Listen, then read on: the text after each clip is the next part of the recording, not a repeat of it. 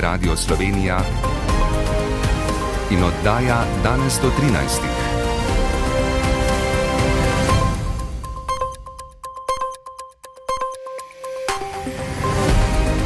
Ura je 13. Dober dan. Državni zbor odloča o listi devetih ministerskih kandidatov, ki bodo z reorganizacijo vlade zasedli ministerske stolčke. Premijer Robert Golob je ob tem izrazil zadovoljstvo, saj da ima po osmih mesecih končno popolno vlado. Po osmih mesecih, v resnici borbe, niti ne čakanja, ampak borbe za to, da smo prišli do točke, ko lahko zmagovalci na volitvah uveljavljajo svojo legitimno pravico do oblikovanja vlade po lastni meri, Glede zakonov o finančni upravi pa se je prej zgodil preobrat. Novela zakona potrjena tudi ob pomoči levice. O spornem členu bo odločalo ustavno sodišče. Poljska zaprosila Nemčijo za dostavo leopardov v Ukrajini, Berlin prošnjo sprejel. Švedska naj ne računa na podporo Turčije pri vstopu v NATO, opozarja turški predsednik Erdogan. Danes bodo še občasne padavine, po nižinah po večini dež. Z vami sva Eva Longika Marušič in Naid Skiran. Poslanke in poslanci po nedavno uveljavljenih spremembah zakona o vladi govorijo o primernosti devetih kandidatov za ministrice in ministre. Ko bodo ministrice in ministri popovdne prisegli, bo 20-članska ministerska ekipa Roberta Goloba oblikovana tako, kot si je vlado zamislila koalicija. Da gre za ekipo, ki bo izpeljala modernizacijo države, je pred poslankami in poslanci povedal premijer Golob. Parlamentarno razpravo spremlja Nataša Mulec da bo 20-članska vladna ekipa s tremi novimi ministrstvi za solidarno prihodnost, podnebje in energijo ter izobraževanje bolj učinkovita in bo izpeljala reforme, je prepričan premijer Robert Golob, ki zaradi referenduma vlado po podobi koalicije dobiva 8 mesecev po prevzemu oblasti. In zato so današnji predlogi, čeprav imamo devet predlog v smeri preobrazbe vlade z namenom uh, doseganja in Novih, čočega strateških prebojev. V SDS-u so ocenili, da tisto, kar je v osmih mesecih delovanja vlade ostalo v ozadju, je vsebina. Jelka Godec ni prepričana, ali bo ponovem kaj bistveno drugače. Ministrstva in vlada se bodo nekaj mesecev očitno ukvarjali le sama s sabo. To je jasno kot beli dan in to potrjuje tudi novi minister, ki pravi. Fizično, pravno in formalno se ne bomo razdružili še nekaj mesecev. Medtem ko so v Novi Sloveniji vse čas zagovarjali pravico vlade, da se oblikuje po svojih željah, vide Čadonič Šperič k temu po osmih mesecih dodaja oceno, da vlada na nekaterih področjih ni delovala v korist ljudi.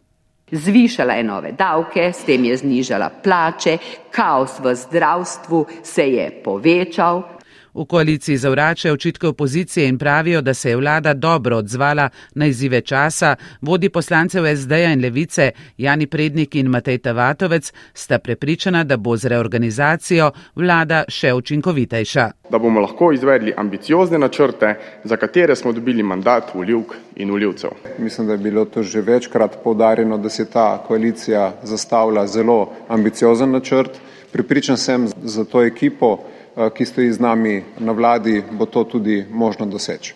Ko bodo poslanke in poslanci popovdne potrdili listo devetih ministerskih kandidatov, nove ministrice in ministre čaka še prisega.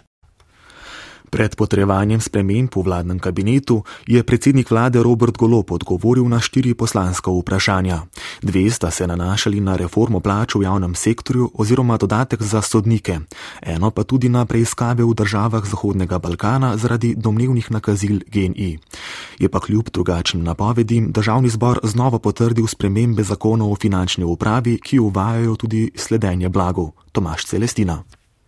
Obljube Roberta Goloba o 600 evrih dodatka za sodnike se je dotaknil poslanec SDS Zvonko Črnač. S tem vašim ravnanjem ste porušili vsa razmerja, otežili ste neke normalne dogovore in na dolgi rok moram reči, da tudi ogrozili javne finance. Zaradi tega, ker vsa pričakovanja, ki ste jih sprožili s to populistično akcijo na tem občnem zboru, bodo šla zdaj v smeri, da bodo vsi pričakovali nekaj podobnega in to takoj. En od pojasnil predsednika vlade Roberta Goloba. V tem času 2015 do 2022 se je v povprečju javnim uslužbencem so se plače realno dvignile za 15%. Sodnim funkcionarjem so padle za 5%. Razlike je 20%, kalkulacijo vam delam. Golop je sicer pojasnil, da bo vlada reformo plačnega sistema javnega sektorja zagnala na koalicijskem vrhu prihodnjo sredo, zagotovil pa je, da v tem mandatu ne bo dviga funkcionarskih plač. Premijer se je znova soočil tudi z očitki SDS o domnevnih nepravilnostih pri poslovanju genija na Zahodnem Balkanu. Njegov odgovor. Vedno znova je fascinantno poslušati vaše konstrukte, ki so v celoti izmišljeni in samo konstrukti. Eh, in vedno znova se človek vpraša, ali boste kdaj preboleli 24. april, ker očitno ga ne morete. Vse to, kar govorite, ste lansirali vi v predvolilni kampanji. In dodatek Žana Mahniča. Mediji so objavili bančne izpiske iz Kosovske poslovalnice Nove Ljubljanske banke v Prištini in vidimo, da je Geni na to družbo v dveh letih nakazal več kot milijon in pol evrov, Berišaj pa je v tistem obdobju dvignil za milijon 400 tisoč evrov gotovine. Čeprav je premije pred dnevi dejal, da bo koalicija pred novičnim glasovanjem umaknila zakon o finančni upravi in uložila besedilo brez spornih določil o sledenju, so ga danes z 48 glasovi Gibanja Svoboda, Levice in poslancev manjšin znova potrdili. Danes do 13. Poljska je Nemčijo zaprosila za dovoljenje za dobavo 14 bojnih tankov Leopard 2 v Ukrajini. Berlin je prošnjo že sprejel. O tem sta v Berlinu govorila generalni sekretar NATO Jens Stoltenberg in novi nemški obramni minister Boris Pistorius. Stoltenberg je posrečeno izrazil prepričanje, da bo zavezništvo kmalo našlo rešitev za dobavo tankov. Kot je še povdaril, je treba Kijevu čim hitreje dostaviti več težkega in naprednega orožja. Dodal je, da ne gre le za vprašanje preživetja, ampak tudi zmage Ukrajine proti ruski agresiji. Pistorius je medtem naznanil, da lahko zavezniki začnejo usposabljati ukrajinske sile za uporabo tankov Leopard 2. Odločitev o tem, ali bo dovolil dobavo, pa bodo v Berlinu sprejeli čim prej. Odnosi med Švedsko in Turčijo so se zaradi turškega pogojevanja švedskega članstva v NATO še bolj zaostrili. Švedska naj ne pričakuje naše podpore pri vstop, vstopanju v NATO, je včeraj izjavil turški predsednik Recep Tayyip Erdogan, potem ko je konec tedna skrajno desničarski politik Rasmus Paludan na protestih pred turškim veleposlaništvom v Stokholmu zažgal Koran. Finski zunani minister Pekka Havisto pa je za Reuters dejal, da bo pri pogajanjih treba vzeti nekaj tednov premora. Špela Novak. Že kmalo potem, ko sta maja lani Finska in Švedska zaprosili za članstvo v zvezi NATO, je Turčija izrazila pomisleke, čež da ne more podpreti članstva držav, ki podpirata kurdske teroriste. Ratifikacijo pristopnega protokola Turčija pogojuje zahtevami po izročitvi več oseb, ki jih ima za teroriste. Za konec tedna je bil napovedan obisk švedskega obrambnega ministra v Ankari, namenjen naj bi bil odpravi turških pomislekov. Toda potem, ko je skrajni desničar Rasmus Paludan dobil dovoljenje za protest pred turškim veleposlaništvom, je turška stran obisk odpovedala, saj da ta nima več smisla. Potem, ko je na tem protestu Paludan zažgal Koran, pa je turški predsednik Erdogan sporočil, naj Švedska nikakor ne računa na turško podporo pri učlanitvi v NATO. İsveç'teki çirkin eylem To nezaslišano dejanje je žalitev za vse, ki spoštujejo osnovne človekove pravice in svoboščine, še posebej za muslimane. To, da se je zažig Korana zgodil pred turškim veleposlaništvom, pa pomeni, da je to za nas tako verska kot nacionalna žalitev. Predstavniki švedske vlade so v odzivu na zažig Korana povdarili, da na švedskem velja svoboda izražanja, vendar da je takšno dejanje vredno obsodbe. V več muslimanskih državah pa so včeraj izbruhnili protesti, na katerih so zažigali švedsko zastavo. Na dogajanje se je odzvala tudi Finska, ki prav tako čaka na ratifikacijo pristopnega protokola. Po besedah finskega zunanjega ministra Peka Havista je težko pričakovati, da bi v Ankari o tem odločali pred turškimi volitvami, napovedanimi za maj. Velika količina snega, ki jo v zadnjih letih nismo vajeni, povzroča težave v več delih države. Največ snega je zapadlo na notranskem, kočevskem, dolenskem, štajerskem in koroškem. Na območju Štajerske je bilo to noč podrtih več kot 80 dreves zaradi mokrega in težkega snega. Poškodovana je tudi električna napeljava. Brez elektrike je še približno 3000 odjemalcev elektra Maribor. Na koroškem so morali zapreti cesto na kope, pa tudi prelaz Radel ter še nekaj drugih cestnih povezav. Sneženje na Koroškem se je nadaljevalo tudi do povdne. Zjutraj je bilo po podatkih elektra celje brez elektrike 1800 uporabnikov, poroča Medka Pirc. Samo v Mežici so namerili pol metra snega, v sosednji Črni pa meter. Veliko težav je bilo v Dravski dolini. Pouk na ojstrici v občini Dravograd so morali odpovedati. Dravograjski župan Anton Preksavec.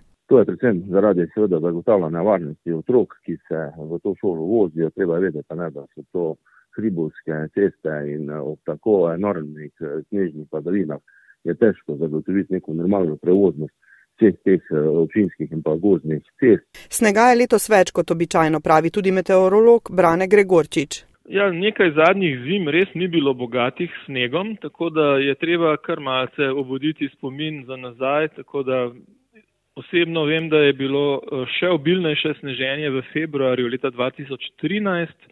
Ja, res je, da smo se nekako odvadili takšnih zim. Verjetno je pred desetletjem ali več takšne, so bile takšne padavine nekaj čisto normalnega. Se strinja tudi župan Preksavec, sicer pa Koroško zaznamujajo hladnejše razmere. Gregorčič. Ja, Koroška regija je predvsej zaprta, tako da vpliv, morski vpliv ne seže prav direktno do tja. Tako da tudi recimo tisto toplo obdobje preko novega leta je bilo na Koroškem manj izrazito. Danes pričakujejo še nekaj padavin, a večjih pošiljk snega naj ne bi bilo. Pouka danes ni na več šolah, v Solčavi otrokom naj ne bi mogli zagotoviti varnega prevoza, v občini Šentjur pa pouk nadaljavo izvajajo na osnovni šoli Planina pri Sevnici in podružnici v Kalobju. V oddaji po Sloveniji na prvem boste slišali, da si bodo v novem mestu prizadevali za čim prejšnjo sanacijo dvorane Olimpijskega vadbenega centra v Češči vasi, v katerem je včeraj po težo snega klonila membranska streha.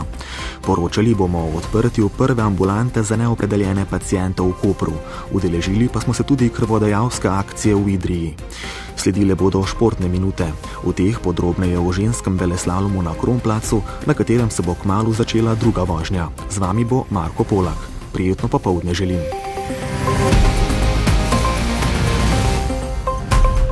Čez nekaj minut se bo na Kronplacu začela finalna vožnja sedmega ženskega veleslaloma letošnje sezone. Najhitrejša po prvem delu preizkušnje je bila američanka Mikaela Šifrin, izmed treh slovenk bo v finalu nastopila le Ana Buci, ki je osvojila 17. mesto. Več Marko Cerman.